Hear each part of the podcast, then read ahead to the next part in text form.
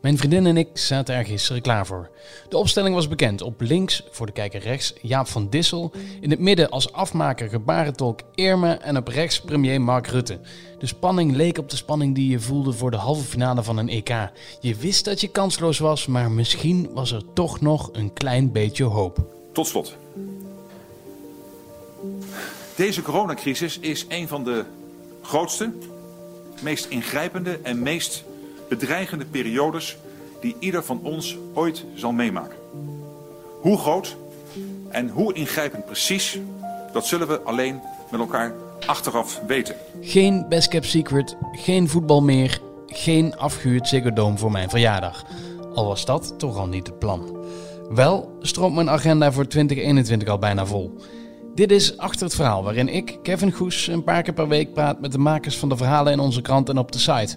Vandaag spreek ik met Peter Winterman over de persconferentie van Mark Rutte, met adjunct hoofdredacteur Frank Poorthuis over de tone of voice van sommige verhalen en met Jaap van Zessen over de recorddrukte op onze site.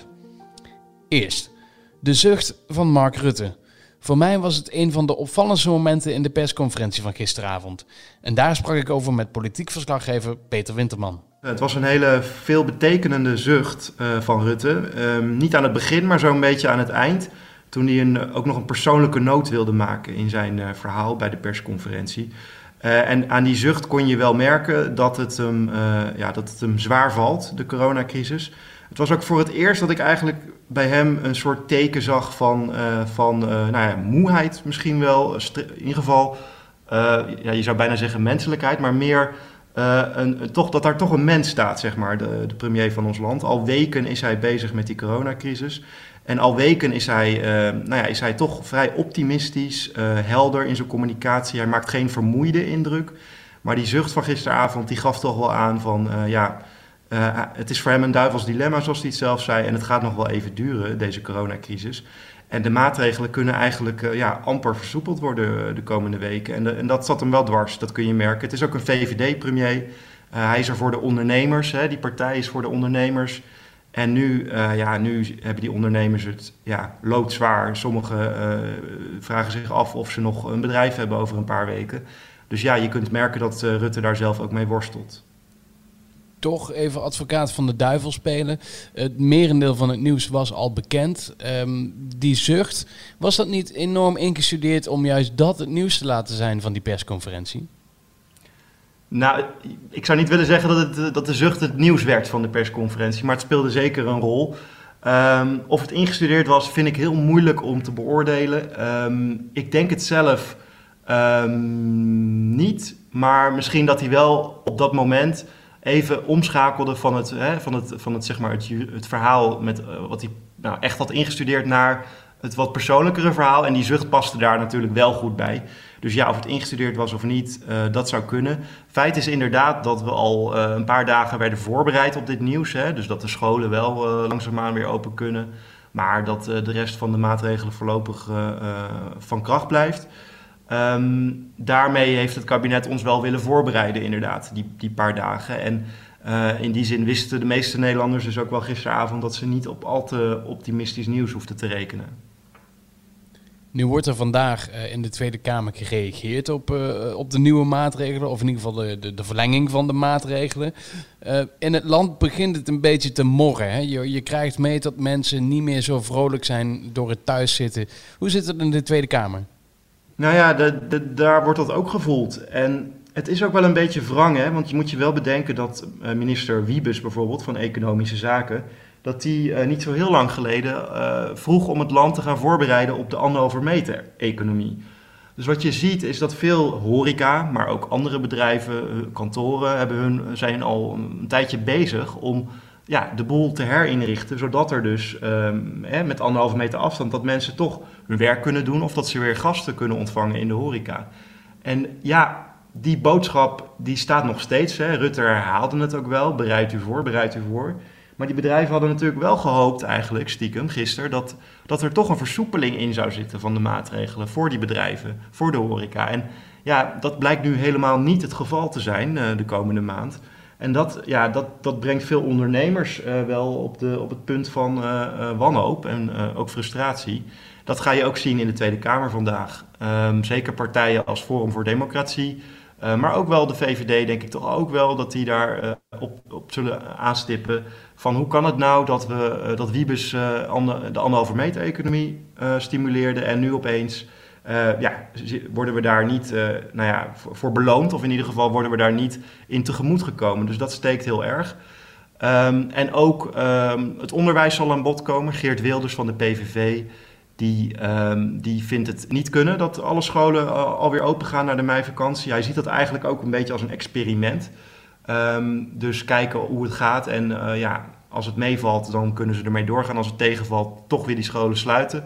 Wilders vindt dat een gewaagd experiment. Dus daar zal het zeker ook over van gaan uh, vandaag in de Tweede Kamer. Nog even terug naar die eh, persconferentie van gisteravond. Eh, het is voor heel veel mensen de eerste keer dat ze persconferenties zien. Ik heb er ook nog niet zo heel veel gezien hè, van, uh, van het kabinet. Um, wat opvalt is natuurlijk het vragenrondje daarna. Gisteren was er heel veel commentaar op die eerste vraag. Iemand van de NOS volgens mij die, die vroeg of de Nederlanders niet beloond moesten worden. hoe zit dat? Jij zit vaker in dat zaaltje. waarom worden die vragen soms zo gesteld alsof ze heel dom klinken? Ja, dat is een hele lastige vraag. Ik, ik, ik heb zelf niet met die NOS-verslaggever gesproken hoe waarom hij nou juist die vraag stelde.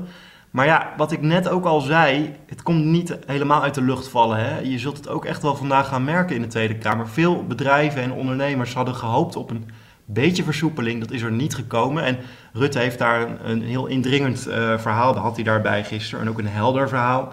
De volksgezondheid eerst, dan pas de economie. Uh, en dat verhaal had hij dus ook net verteld. En daardoor kwam die eerste vraag van de NOS ook wel een beetje uh, rauw uit de lucht vallen. Dat begrijp ik wel. Het was natuurlijk wel een vraag die al van tevoren waarschijnlijk was bedacht. Op dat moment valt dat helemaal verkeerd. Dat zag je ook op Twitter.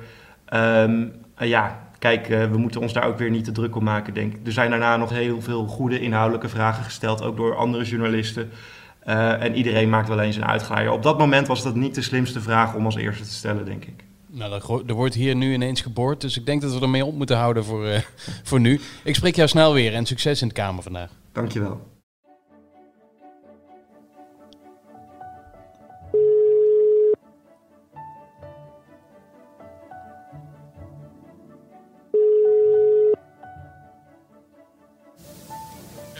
Hey Frank. Ben je mij vergeten? Oké, okay, nou dan, weer even naar, die, uh, naar je mail gaan. Dan uh, op die link klikken en dan hoor je me zo. Oké, okay, hey, tot zo. Ja. Zo, was je mij zomaar vergeten? Ik was je vergeten. Ik zat te tikken, jongen. Er moet ook gewerkt worden. ja, dit is ook werk. Dit is, ja, dit is zeker werk. Dat onderschat ik niet. Alleen, we zijn op vele fronten bezig, zoals je weet. Ja, en jij ook. Dus, zeker, zeker. Ja. Ja, je dacht... Uh, kom te tikken. Moet ik dat ook nog moet doen? ook af. moet de krant leiden. Nou ja, van dat soort dingen. Ja, even over, laten we daar even over beginnen. Uh, mijn opname loopt al trouwens. Dus oh, dan, okay. dan, weet je dat. Um, ja, die krant. Ik las vanmorgen, ik, ik sloeg hem open. En uh, het eerste wat ik zie is eigenlijk een verhaal van allemaal mensen die um, ja, niet zo blij zijn met de maatregelen van Rutte. Ja. Vind, vind je dat geen stemmingmakerij? Ik vind het geen stemmingmakerij. Het is een beetje dubbel.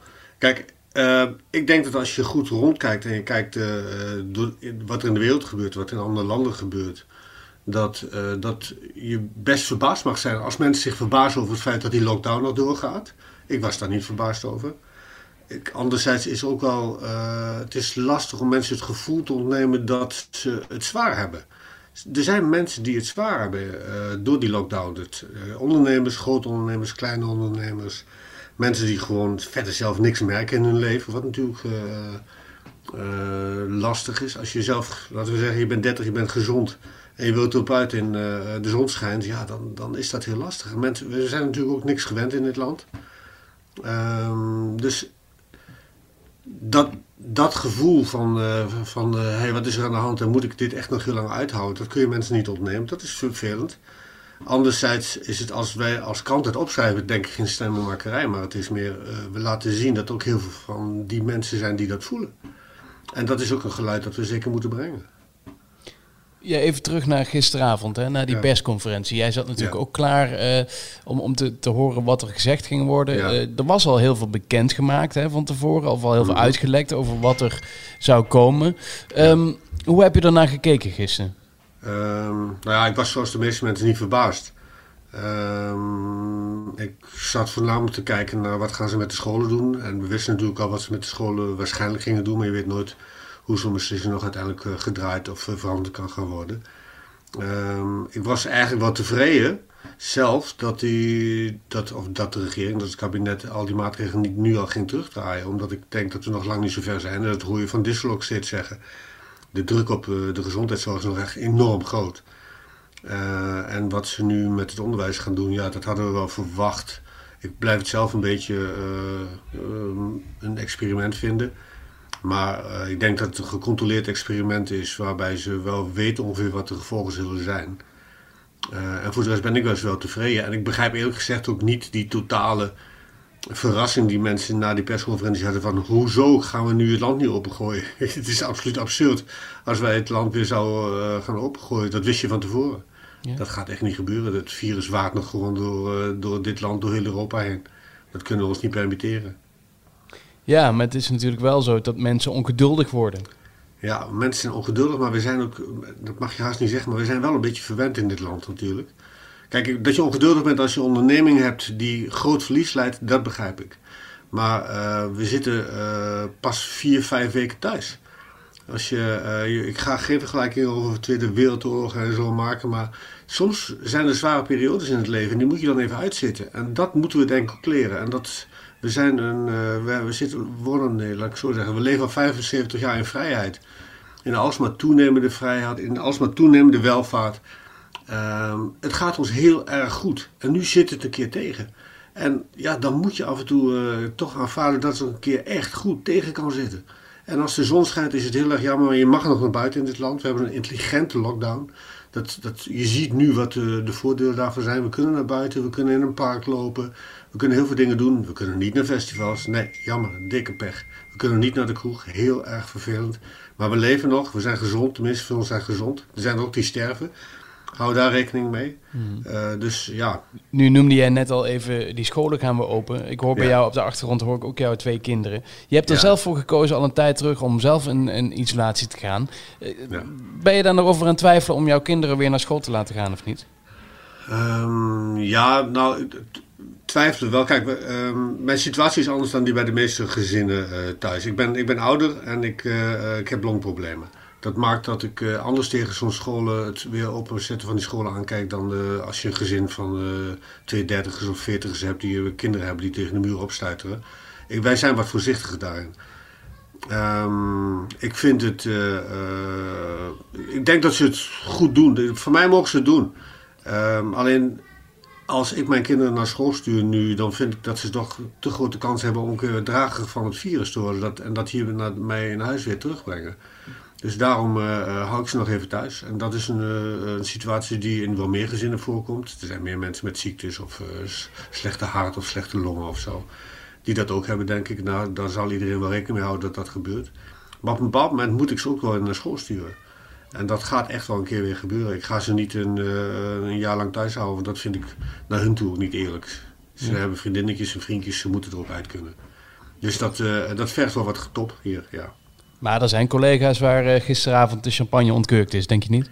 Ja, dat denk ik wel, ja. Nou, ik denk in heel veel gezinnen. En het is ook heel goed voor... eh, eh, kijk, het is goed voor die kinderen, het is goed voor die ouders... dat ze wat meer vrijheid krijgen, ook al werken ze thuis... om thuis wat meer structuur in hun werk te brengen. Om even wat rust in huis te krijgen. Want daar zijn we met z'n allen heel erg hard aan toe. Dus wat dat betreft is het denk ik een goede beslissing. Goed zo Frank, we spreken elkaar snel weer. Oké joh, Tot snel. Hey. bye bye.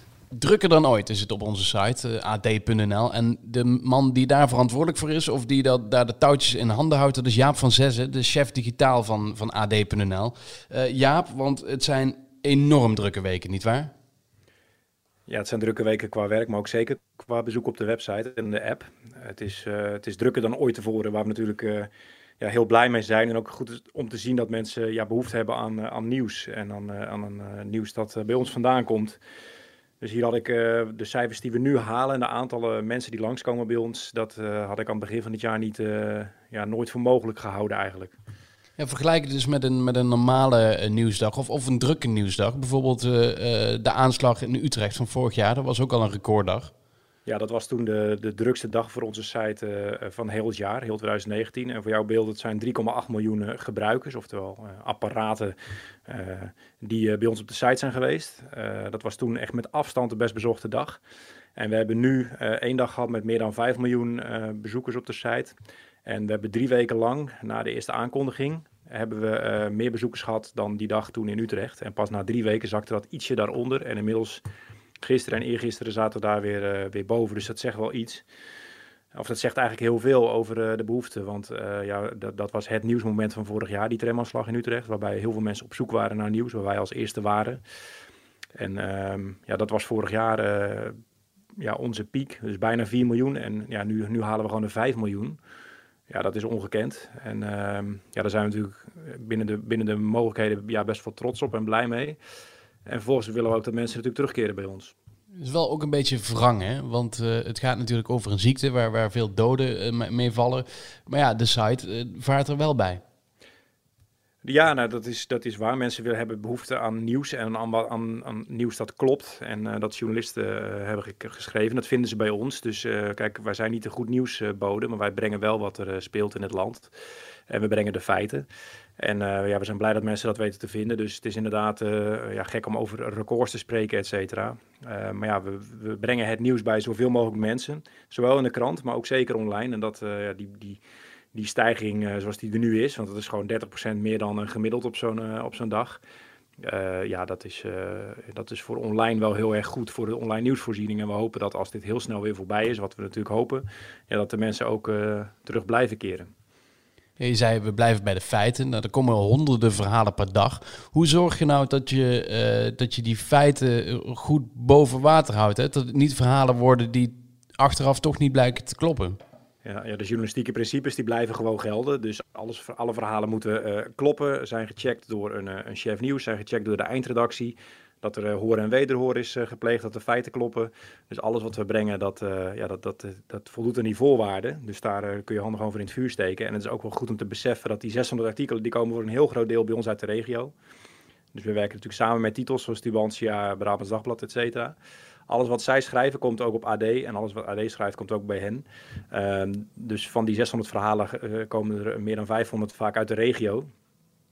Um, ja, die hebben ook eindredactie gehad. Die staan er ook op. En dat kunnen mensen ook vinden. Die, daarvan worden de 20 heel erg goed gelezen en die andere 580 uh, eh, iets minder. Maar, maar, die kloppen ook. En uh, dat is des te relevanter als je uit die buurt komt. En we hebben ook gekeken hoeveel er bijvoorbeeld over corona geschreven wordt. Want uh, ja, ja ik, ik heb het gevoel dat, dat je alleen maar corona leest. Maar dat, dat valt dus tegen. Nee, we zorgen sowieso voor een mix. Dat zie je in de krant terug, maar zeker ook online. Um, en we, we, kunnen natuurlijk meten hoe vaak het woord corona in een artikel voorkomt. Dat doen we eigenlijk elke dag. En we zien dat het gemiddeld nu iets onder de 40% ligt. Dus nou ja, vier van de tien verhalen daar, eh, dat gaat over corona en zes van de tien dus niet.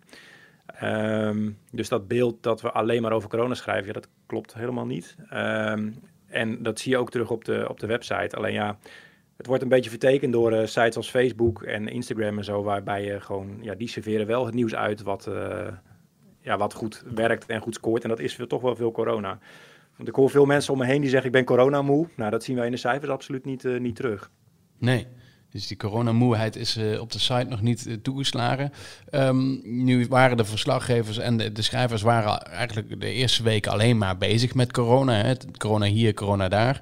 Uh, zie je nu dat er toch langzaam inderdaad weer wat, weer wat tijd is om andere verhalen te gaan maken, naar andere plekken toe te gaan?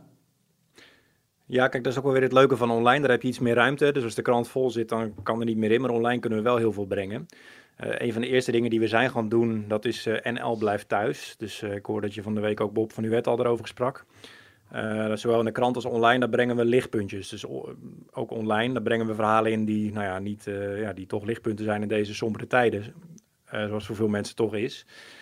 Um, dus dat is weliswaar nieuws die gerelateerd is aan deze periode, aan deze tijd, maar dat gaat eigenlijk niet over corona. Dus wat kun je doen thuis? Dan maken we video's. Nou ja, dat zijn.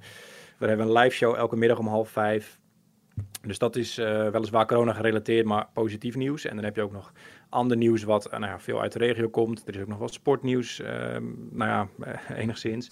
Shownieuws, gaat, tv gaat natuurlijk door. Um, ja, dat, dat brengen we ook. alleen je ziet in de cijfers terug ja, dat corona nog steeds wel domineert. Kijk je ook naar wat de concurrentie doet? We houden altijd wel een schuin oog op wat, wat anderen doen. Ehm, kijk, en de, de echt grote nieuwsberichten die via ANP komen, die heeft iedereen wel maar wij kunnen ons juist door die regio's best wel onderscheiden van, uh, van anderen, doordat wij uh, ja, achtergrondverhalen kunnen brengen. Dus ja, uit een regio, ja, wat is er dan gebeurd? Wie is er overleden? Wat is de achtergrond van die persoon? daar hebben we heel veel voordeel bij dat, dat we al die regio's hebben en dat we echt regionale verslaggevers hebben die, daar, die daarover kunnen berichten. En zo kan een verhaal wat bijvoorbeeld op pagina 17 van Eindhovens Dagblad staat vandaag morgen de grootste of het best gelezen artikel online zijn. Want zo werkt het ook nog wel. Uh, vooraf is soms niet de impact in te schatten. En online kunnen we dat wel gewoon goed meten en goed zien. Van welke verhalen slaan nou aan? Wat willen mensen lezen? We brengen uiteraard het nieuws wat mensen moeten weten. En soms ja, is een achtergrondverhaal, moeten mensen niet lezen, maar is, is een achtergrondverhaal wat veel mensen lezen, waar ze op aanslaan en waarbij ze de boodschap aanspreekt. En dat, ja, daar ben ik heel blij mee. Ja, heb je nog een voorbeeld van zo'n verhaal wat jou gegrepen heeft? ja, hadden een paar weken geleden hadden we Sander van Mesbergen, die zat ook in de podcast over het verhaal van, uh, ik moet het even goed zeggen, uit uh, Berlicum, dacht ik, ja. als ik het goed zeg. Uh, dus een begrafenis. Hij, hij vertelde als verslaggever ook, ik zat de krant te lezen en hij zag gewoon vijf pagina's overlijdensadvertenties. Hij woont in Brabant. Dus hij, en hij zag ook een man en een vrouw die kort na elkaar waren overleden. Dus hij zei, ik ben er gewoon naartoe gegaan. Ik heb aangebeld en gevraagd, joh, uh, ik ben benieuwd naar dit verhaal achter deze advertentie. En er kwam een prachtig verhaal uit waarbij ook de kinderen mee wilden werken. Ja, dat zijn verhalen die alleen maar tot stand komen als je ergens naartoe gaat en je ergens in verdiept, die je niet vanaf een zolderkamer kunt overtypen van een andere site. En dat zijn verhalen daar, waar ik heel trots uh, op ben en die het online ook goed doen. Ook hadden we afgelopen weekend een groot verhaal in onze zetbijlage in de krant. Um, over hoe de wereld in 2022 eruit gaat zien. Um, ja, dat wordt meer dan een miljoen keer gelezen. En dat is dan ook een verhaal wat heel uitgebreid is, waar echt experts aan het woord komen. Waar je ook echt kan onderscheiden van ja, een kort nieuwsverhaal. En dat, ik ben het meest trots op die verhalen die ook uh, het online vervolgens heel goed doen. En deze podcast vind je ook online, naast op ad.nl, ook op Spotify en op Apple Podcast. Daar kun je je ook abonneren. Doe dat snel, want dan mis je geen enkele aflevering meer. Ik ben er eind deze week weer. Tot dan.